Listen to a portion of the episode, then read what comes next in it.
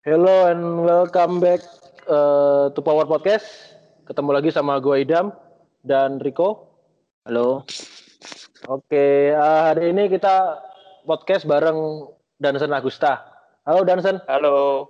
Halo. Halo. Ya, uh, untuk topik kita hari ini adalah fight fighter preparation dari strike and conditioning. Jadi uh, buat informasi aja, Dansen ini udah mungkin berapa enam bulan terakhir ya. Jadi mm, terlibat dalam preparation fighter untuk bertanding gitu ya. Lebih dari enam bulan sih, uh, udah oh, setahun okay. lah. Oh setahun ya. Itu awalnya yeah. gimana ya? Maksudnya lu emang emang tertarik interest ke bela diri juga atau gimana awalnya? Oke, okay, gue ceritain dari awal ya. Yep. Jadi dulu pas gue masih kuliah, gue mulai martial arts journey gue. Tahun 2009 gue mulai boxing. Habis itu hmm. awalnya cuma coba-coba, tapi akhirnya jadi suka banget. Itu gue latihan tuh sampai tiap hari, Senin sampai Jumat. Dulu kan oh. masih kuliah, jadi banyak waktu ya. Ya. Uh, uh, terus ya, wa walaupun gue udah kerja juga dulu gue kerja kan di Singapura. Uh, setiap pulang kerja gue pasti latihan. Itu berhentinya pas gue ini uh, meniskus gue sobek dan gue harus oh. operasi. Yaitu gue berhenti sementara. Habis itu kan gue udah balik ke Jakarta for good kan. Hmm. Nah sebelum gue cemplung ke industri fitness ya dulu di Jakarta gue masih coba cari gym lah untuk terus latihan. Cuman kan gym ya deket-deket rumah tuh uh, komersial banget, jarang banget okay. ada yang ngajarin the real martial arts. Terus sampai akhirnya gue putusin untuk pursue interest gue, gue join the fitness industry itu gue stop total untuk martial arts-nya. Habis itu gue gimana bisa terlibat dengan preparation fighter sebenarnya tahun 2017 tiga tahun eh empat tahun yang lalu hmm, sekarang udah tahun 2021 lalu. ya. ya. Jadi empat tahun yang lalu gue memang dihubungin sama Theo sendiri Theodorus Ginting. Oke, ya ya. Jadi karena dulu gue cari gym terus kan, jadi gue ke beberapa uh, gym lah untuk latihan. Pernah beberapa kali ketemu sama dia. Oke. Okay. Dan saat itu kan dia uh, baru masuk One Pride dan dia memang lagi oh. uh, apa working his way up untuk jadi contender oh. to fight for the title. Ya, Jadi saat itu uh, seminggu sekali lah uh, dia latihan sama gue dia mau gue bantu persiapannya hmm. jadi awal mulanya dari sana tapi kan gue sempat pindah ke Kuala Lumpur kan gue di ya, headhunt ya. untuk pindah ke sana nah itu stop oke okay. Hmm, abis itu kan gue balik lagi ke Jakarta tahun 2018. Tapi kita baru bener-bener mulai latihan lagi uh, bekerja bareng lagi tuh tahun lalu 2020. Jadi ceritanya gimana bisa kita bisa apa ketemu lagi tuh gua kan persiapan untuk ini uh, rookie fight. Jadi uh, oh, acara yang dulu kemarin itu ya? Iya, acara tinju amatir. Ah, iya, nah, iya, iya. dia dia ini uh, uh, memang approach gua tawarin gitu hmm. untuk bantuin Nah, dari sana kita oh. mulai bekerja sama lagi lah, bekerja bareng lagi. Oh. Jadi abis gue selesai fight, memang dia mau persiapan fight juga kan. Oh, langsung dan, nyambung ya? Ya, nyambung. Uh, dan bukan cuman untuk dia, karena ada juga atlet uh, Rico, Rico Chen yang latihan sama di Lions juga. Oh, jadi gue latih okay. mereka berdua. Jadi uh, lebih lu lu latihnya boxing apa uh, eh, MMA fighter doang atau boxing juga atau gimana? Uh, sementara ini kan karena cuma mereka berdua kan MMA fighter. Oh oke. Okay. Oh oke. Okay. Mm -mm. Yang maksudnya yang setahun bener-bener full Yang gua perhatiin tuh cuma mereka berdua. Tapi kan Oh. uh, late, lately ada ini juga Citra. Dia Oh, cewek ya? MMA fighter juga, iya. Nah, dia kadang join in our strength conditioning session juga. Oke. Mm-mm. Nah, terus ngomongin latihannya sendiri, eh programming lu gimana nih untuk untuk fighter mereka? Maksudnya dari segi mungkin kalau lu periodize programnya gitu, dari periodizationnya atau Hmm. dari daily-nya kayak misalnya day one, day two, day three, day four gitu, atau berapa banyak lu fokus ke weights-nya, berapa banyak fokus ke Hmm. plyo-nya, ke jumps-nya atau ke skill work-nya gitu, Hmm. semuanya deh. Oke. Jadi sebenarnya latih atlet sama general population bisa dibilang nggak beda sih. Jadi it's a continuum kan. Kita lihat dulu Iya. mereka tuh starting point-nya di mana dan kita Mhm. progress accordingly. Nah, bedanya dengan general population tuh general population biasanya latihan seminggu sekali, mentok dua kali. Kalau mereka Mhm. kan bisa afford untuk latihan hampir setiap hari dan sehari latihan dua kali. Uh, uh, kalau gua sih lebih ini conjugate ya, latihannya tuh conjugate system. Hmm. Jadi dalam seminggu Oke. semua qualities dilatih. Tapi tergantung mereka di their strength and weakness di mana apa yang mereka butuhkan, yaitu ada phase-nya juga walaupun conjugate gitu. Kalau mereka masih jauh dari fight dan mereka butuh stability work misalnya atau kayak reconnecting their body gitu to the core, to the breathing. Nah, kita mulai dari sana dulu. Dari sana baru di progress. Secara ya, ya gimana? secara general jadi biasanya Senin tuh lower body movement. Hari ya, hari Rabu tuh upper body. Upper Habis body itu apa? Hmm. Dynamic repetition. Eh, enggak em, bisa dibilang repetition lah, tapi repetitionnya juga enggak benar-benar repetition, close to max effort lah. Oke. Hmm. Ah, habis itu hari Kamis core dan conditioning, hari Jumat full body dynamic effort yang eksplosifnya. Ya ya. Ah, ah. Biasa Nah, begitu. Untuk yang hari Kamis conditioning tuh ngapain? Condition eh, core, core dan conditioning. Iya, Jadi we conditioningnya work on conditioningnya ya eh, ini it varies. Kadang we do sled work, kadang we do rope, kadang lebih sport specific punya drill kayak wrestling wrestling kan dia ada lu mesti take down, lu mesti charge ke depan kan. Kadang conditioningnya Hmm. lebih mimik itu. Oke oke. Nah, combine conditioning lu fokus ke ini nggak misalnya lu aerobic conditioning dulu berapa bulan gitu berapa minggu atau lu Hmm. conjugate juga conditioningnya? eh ini tergantung. Kalau mereka lagi off season, gue banyak kan aerobik. Aerobiknya apa? Lari, sepeda, Enggak, enggak. box. Ya lebih ini sport specific movements. Atau Oke. biasa pakai battling rope. Oke. Berarti kayak Iya. 20-30 minutes non-stop gitu. Enggak sampai Atau- 30 minutes non-stop lah, paling 20.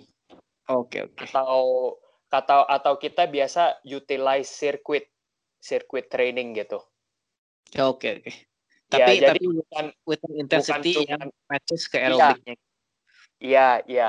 Sama the apa advantage dengan circuit training tuh kita bisa include some joint conditioning work. Jadi gerakan body weight dibikin circuit itu kan lu bukan cuma train aerobically ya. Lu juga uh, you're strengthening the joints, the ligaments, the tendons. Oke oke oke. Ya, itu kan penting juga sebenarnya untuk combat sport. Ya betul. Jadi kalau join.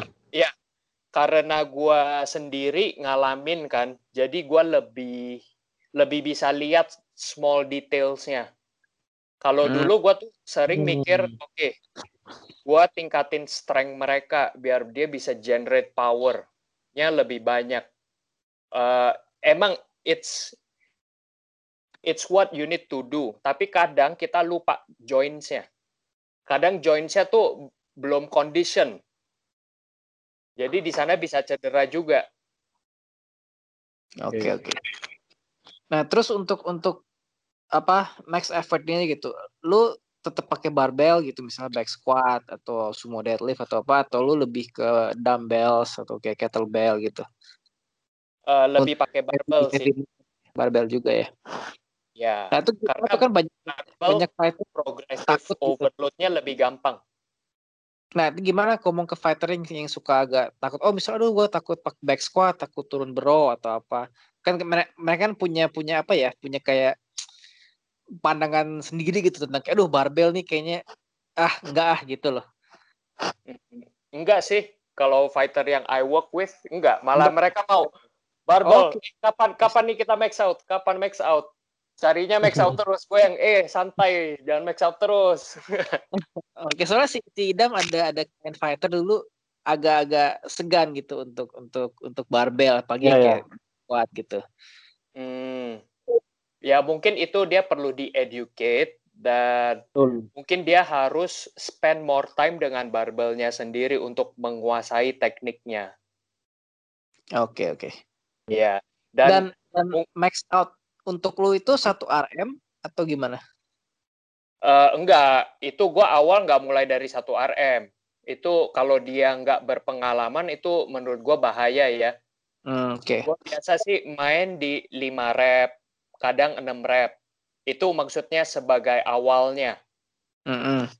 So kadang ya gua gua vary gitu. Kadang 4 rep, 3 rep. Dan yang paling berat gua biasanya 2 rep. Gue okay. satu rep. Oke oke oke.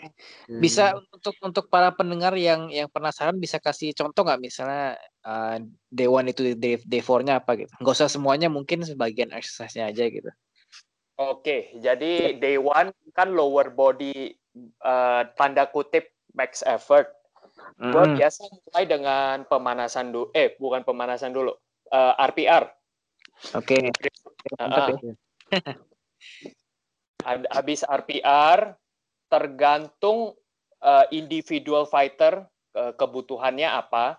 Jadi ada yang gua kasih eye drill. Dia ini dulu eye exercise. Oke. Okay. matanya dulu karena mata hmm. kita kan itu sebagai uh, apa input ya, sensory input. Kalau inputnya nggak benar, nanti outputnya juga terpengaruh. Oke. Okay. Ya, jadi uh, untuk yang itu dia karena memang dia ada weakness antara kanan right eye dan left eye-nya. Jadi itu gue tambahin eye exercise. Habis okay, next itu, iya kita ke foot exercise dulu. Mulai dari ini, bawah kaki. Then we work our way up to mobilize all the joints, uh, get get the body ready for the workout. Mm -hmm. Nah, habis setelah semua itu baru masuk ke main setnya, main movement. Jadi it's either a squat atau a deadlift movement dengan barbell biasanya. Hmm. Kalau squat movement ya bisa back squat, bisa front squat, bisa back pin squat, front pin squat, bisa box squat, bisa pakai safety squat bar, bisa pakai buffalo bar. Jadi setiap setiap minggu lah, hampir setiap minggu kita ganti gerakannya hmm. untuk main movementnya. To ini to apa? To avoid accommodation. Mm -hmm. uh, tapi ini juga dilihat uh, disesuaikan dengan fighter. Untuk fighter yang belum berpengalaman dengan barbell, main movementnya bakal stay. Mungkin tiga minggu itu gerakannya sama terus biar dia bisa master the teknik dulu.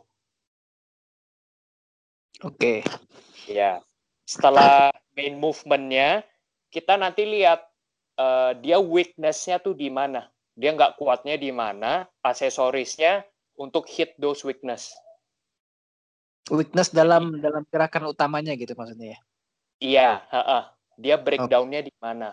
Mm -hmm. Jadi mungkin uh, backnya nggak kuat, kita tambahin gerakan kayak good morning. Terus mungkin kalau glutes-nya nggak kuat, ya a variety of movement yang hit the glutes. Oke. Okay. Hal-hal seperti itu. Itu untuk hari Senin, Monday. Mm. Untuk hari Rabu, upper body, tanda kutip max effort. Ya, kita mulai either ini, uh, apa, horizontal push atau vertical push. Jadi kalau nggak bench, tuh bisa shoulder. Dan hmm. untuk repnya sendiri ya sama seperti tadi, bisa 5 rep, 6 rep. Tapi kalau kalau off season biasa repnya lebih banyak dan gua tambahin ini shoulder stability work. Jadi uh, barnya kita simulate biar kayak itu pakai bamboo bar. Jadi okay. ujung ya ujungnya kita pakai hmm. band sama chain. Kan tuh goyang banget itu. Hmm. Ya, jadi mau nggak mau shoulder stabilizersnya uh, bekerja gitu. Dan sama abis itu aksesoris juga, tergantung mereka butuhnya di mana. Dan ada juga yang ultra high reps accessory. Jadi bisa 30 rep, 40 rep gitu. Oh. Misalnya kayak tricep extension. Pakai oh, band. Hmm. Karena mereka biasa kalau uh, mukul tuh kadang kan dia mesti snappy, snappy kan punch-nya. Terus kadang joints-nya tuh sakit. Jadi I'll add in those kind of work. Terus grip work juga, gue bakal masukin grip work. Grip work bisa pakai battling rope, jadi uh, partner rope pull atau enggak kita ini rope climb. Oke. Okay.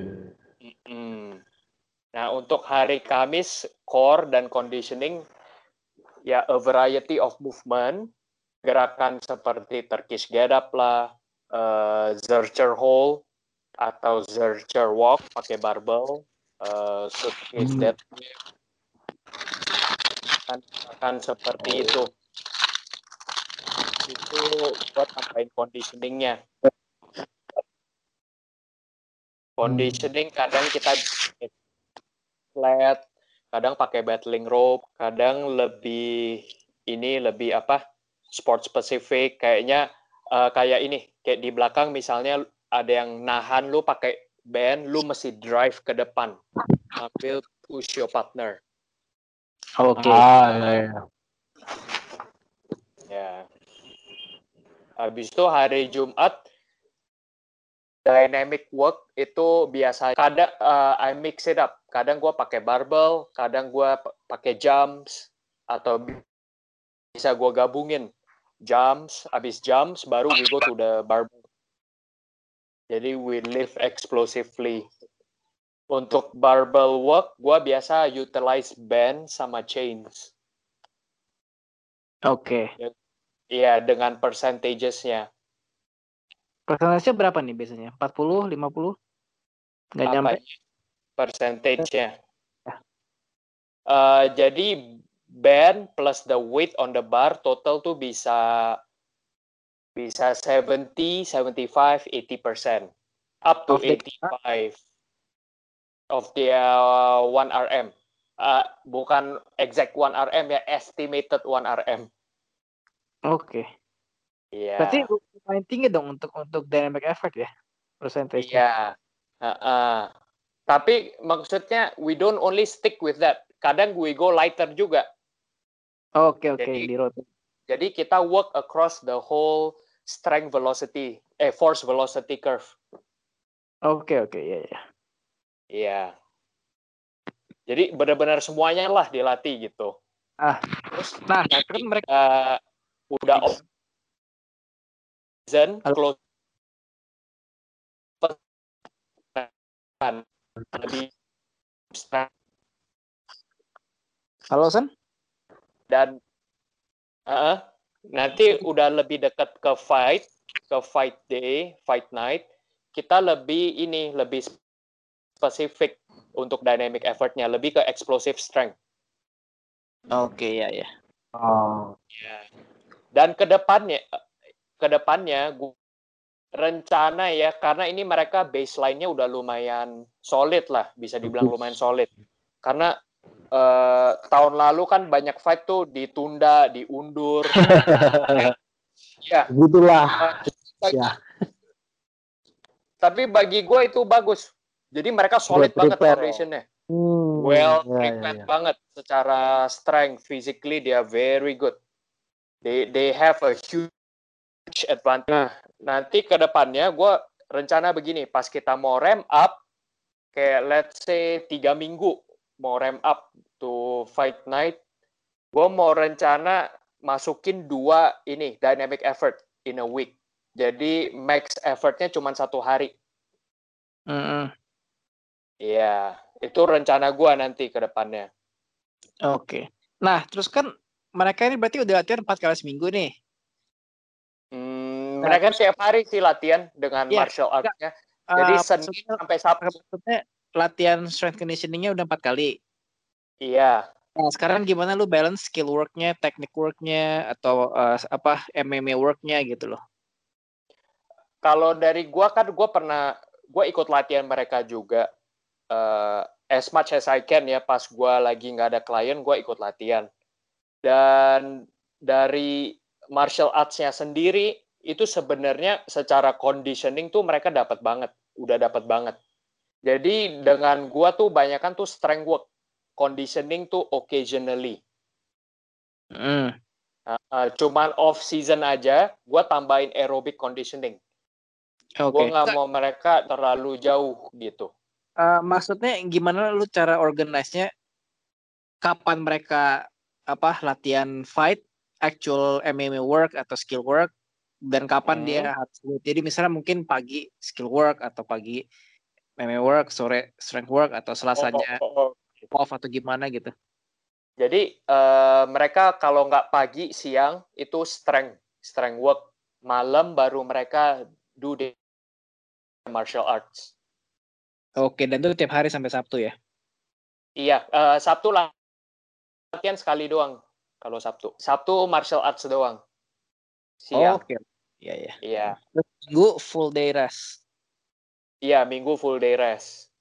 Eh, Oh. Minggu tergantung kalau mereka ada fight nih, preparing for a fight, minggu tuh gua tambahin recovery. Jadi eh, gua tambahin ini lymphatic drainage, lymphatic massage, sama gua gua reset mereka punya organ. I pump their organs. Jadi ini Oke. gua belajarnya dari Perry Nicholson, Stop Chasing Pain. Yap, yap.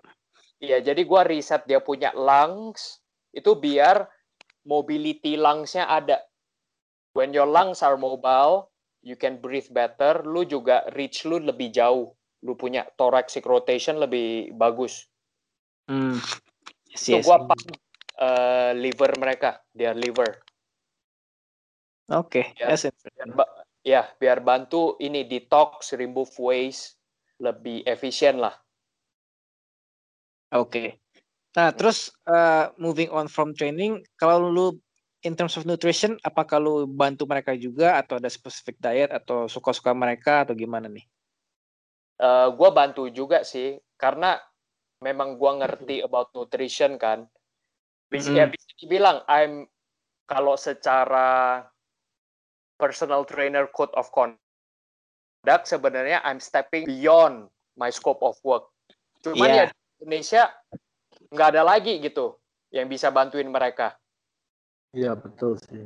ya jadi ya Hmm. gua mau gua gua jelasin dulu gua I'm not a certified nutritionist gitu tapi mereka don't mind better than nothing Mm-mm.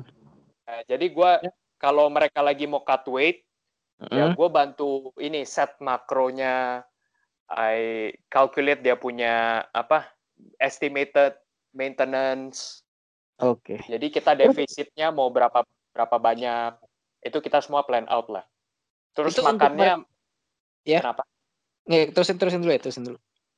Ya terus makannya ya gue set juga makan apa aja according to dia preference. Eh apa? Untuk mereka apakah mereka langsung oh, oke okay, is easy gue ikutin deh makan apa atau mereka masih aduh gue pengen kue goreng gue mau martabak gitu loh. Ngapain sih gini-gini gitu? Uh, mereka lu kalau lagi mau preparing for fight mereka lumayan disiplin sih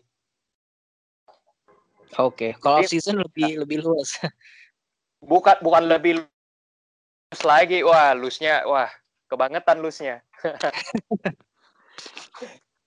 ya Okay, Jadi sebenarnya uh, gue gue tuh pengennya off season they don't gain so much weight. Tapi yeah, ada, it, it works it works for one person, tapi the other person it doesn't work. Oke okay, oke. Okay. Ya, satu lebih tahu diri, satu nggak tahu diri banget. Siapa tuh? Oke, okay, next Idam ada pertanyaan? lebih ke ini sih mungkin karena yang tadi strength strength conditioning kan sebenarnya di Indonesia untuk fighter masih baru ya dalam arti mereka nggak ngelakuin secara khusus gitu loh jarang yeah. banget atau mungkin nggak ada yang ngelakuin secara khusus ya mereka cuman istilahnya kalau MMA ya boxing terus mungkin grappling dan lain-lain lah. Nggak nggak memasukkan itu. cuman push up pull up gitu kan? Ya gitu gitu lah yang dalam kata kutip fungsional apa itulah. Nah, mereka yang itu untuk dulu awal tahun ketika pertama ketemu sama si Theo, dia gimana? Apa emang dia udah paham atau emang awalnya dia emang juga mikir ngapain sih uh, gini-gini? gitu loh? Dia ngerti the importance, cuman hmm. dia belum merasakan. Oke. Okay. Ya, okay, dan okay, dia eh, nggak okay. uh, ada nggak ada ide gitu sebenarnya latihannya seperti apa. Hmm. Tapi setelah dia jalanin, ya, apa namanya? jalanin sama dia, dia merasakan hmm. bedanya. Oke. Dan bukan yes. cuma dia, tapi training partner, training partner yang lain. Pas dia awal baru datang dan sekarang itu beda jauh sekali. Oh ya? Mereka oh. rasain sendiri. Training partner juga. Jadi emang emang udah mulai ngerasa Ya emang ini bagian dari preparation lah ya. Iya. Bukan cuma skill doang gitu loh. Karena kan di sini juga pasti banyak yang mikir kalau physical training cuma kayak push up, pull up itu udah jogging gitu udah udah cukup gitu kan. Iya. di sini. Iya, uh, knowledge-nya masih kurang sih. Ya, banyak. Ya, betul. Fight camp, fight team itu mereka knowledge secara strength conditioning, nutrition, recovery masih kurang banget. Hmm.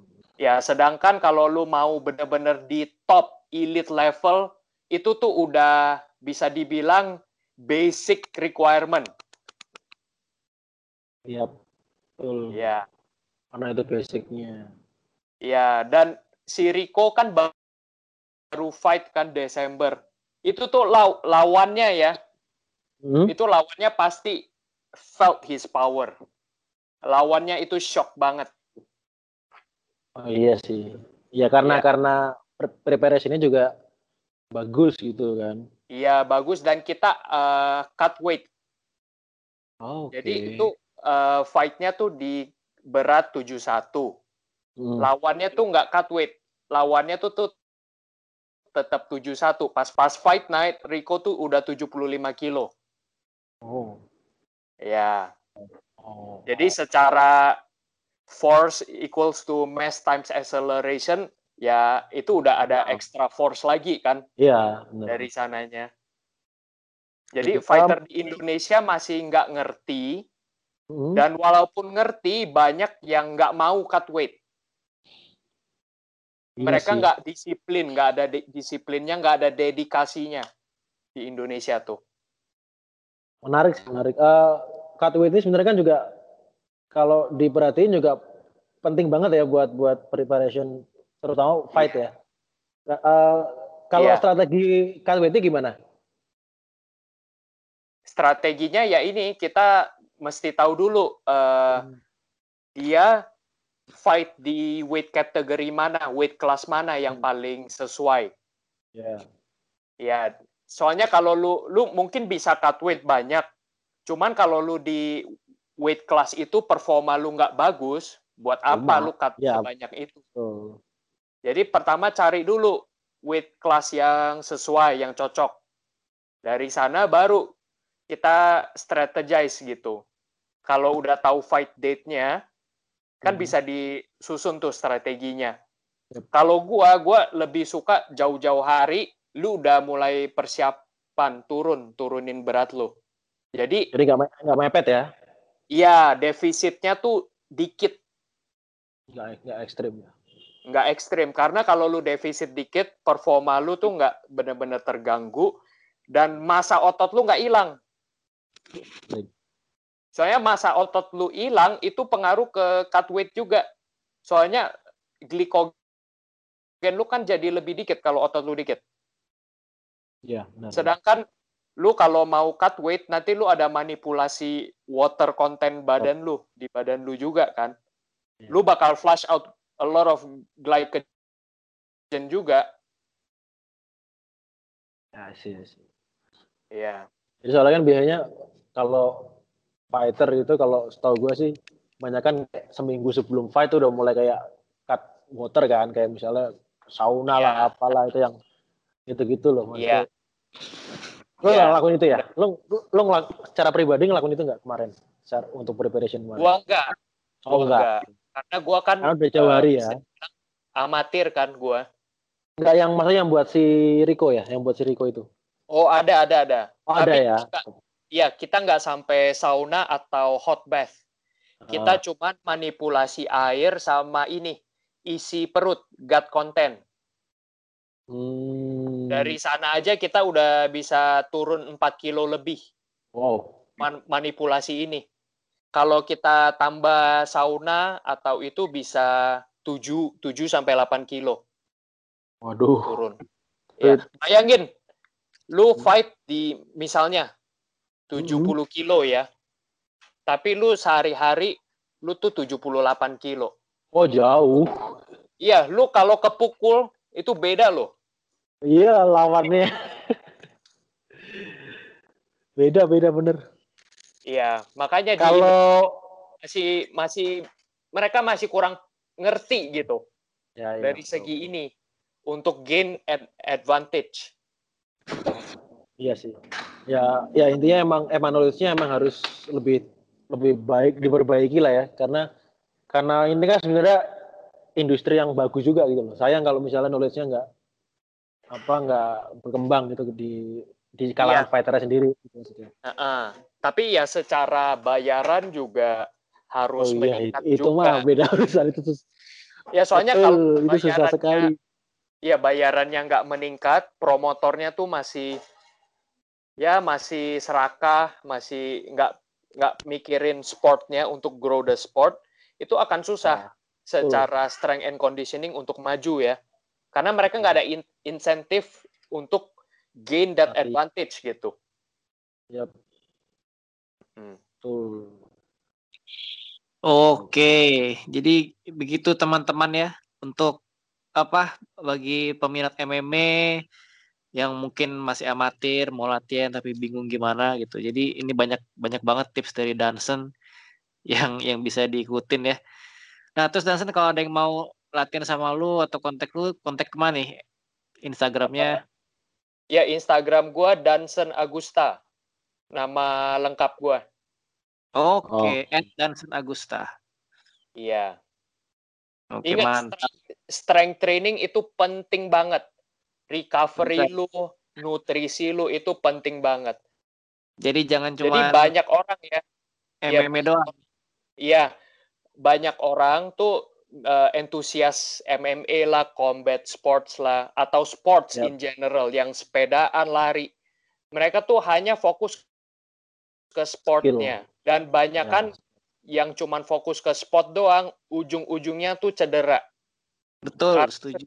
Iya, secara Ya. badannya nggak bisa nggak bisa nahan nggak bisa nahan that amount of stress nggak bisa handle that amount of stress lu butuh strength training dan bukan cuma itu lu mesti Halo?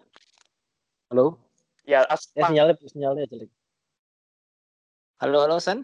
You there? Sinyalnya Halo. kayak Pak Halo? guys. Halo, San. Iya, iya. Oke, putus tadi. Iya, kenapa? Sinyal Dalam in conclusion. Eh, nutrisi lu juga mesti bagus. Jadi Hmm, lu nggak boleh sembarang makan juga. Karena nutrisi bakal determine lu punya recovery juga. Dan it will fuel your performance. Agree, agree. Ya. Jadi banyak orang eh, nggak mikirin aspek itu. Ya, hanya cuma pikirin fight-nya doang, MMA doang, sportnya doang. Ya. Ah. Hmm, jadi pokoknya tri, eh, trifectanya ini nih, training bukan cuman training untuk sports lu, lu masih ada strength trainingnya juga. Yep, Jadi strength training bukan Hmm. cuman untuk meningkatkan performance lu, tapi juga untuk prevent injury. itu yang utama sih. Kalau Berbagi jari. iya, kalau kalau lu sehat, if you are healthy, lu ada longevity. Lu bisa pursue lu punya sport lebih lama. Yes. Setuju. Habis itu nutrisi, nutrisi mendukung performa lu, mendukung recovery lu juga. Yep, setuju. setuju. Yes. Ya, dan yang terakhir tuh recovery lu. Recovery lu masih bagus. Karena latihan lu tuh breaking the body down. Saat lu recover, badannya baru grow. Baru adapt to the Ya. stressors. Tuh. Jadi Betul. penting semua ya. Latihan, Ya, nutrisi, penting. recovery, istirahat Heeh. di satu. Enggak, enggak Dan cuma training, enggak cuma strength training enggak cuma latihan latihan keras doang ya. Maksudnya kan kadang orang mikir latihan tan enggak ada recovery sama sekali itu juga enggak malah enggak maksimal kalau menurut gue sih. Malah bakal Iya, turun secara performa juga. ya itu yang terjadi pada diri gua dulu sampai meniskus gua sok. Halo? Oke, jadi conclusionnya itu dari Johnson. Halo. Iya. Iya. Oke, Oke, Ya. Ada mau tambahin lagi? Dansen, Udah. Untuk dan- time-nya. knowledge-knowledge yang dibagikan secara gratis bagi pendengar. Ya, sama-sama.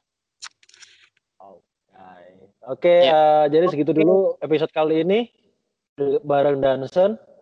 Jadi dengerin terus Power Podcast di Spotify dan kalau ada masukan kita mau bahas tema apa bisa DM ke kita dan kita coba untuk apa namanya membahas dengan narasumber yang yang bagus lah gitu. Yang bonafit. Betul sekali. Oke, sampai sini dulu eh, teman-teman. Bye bye. Yuk, Bye.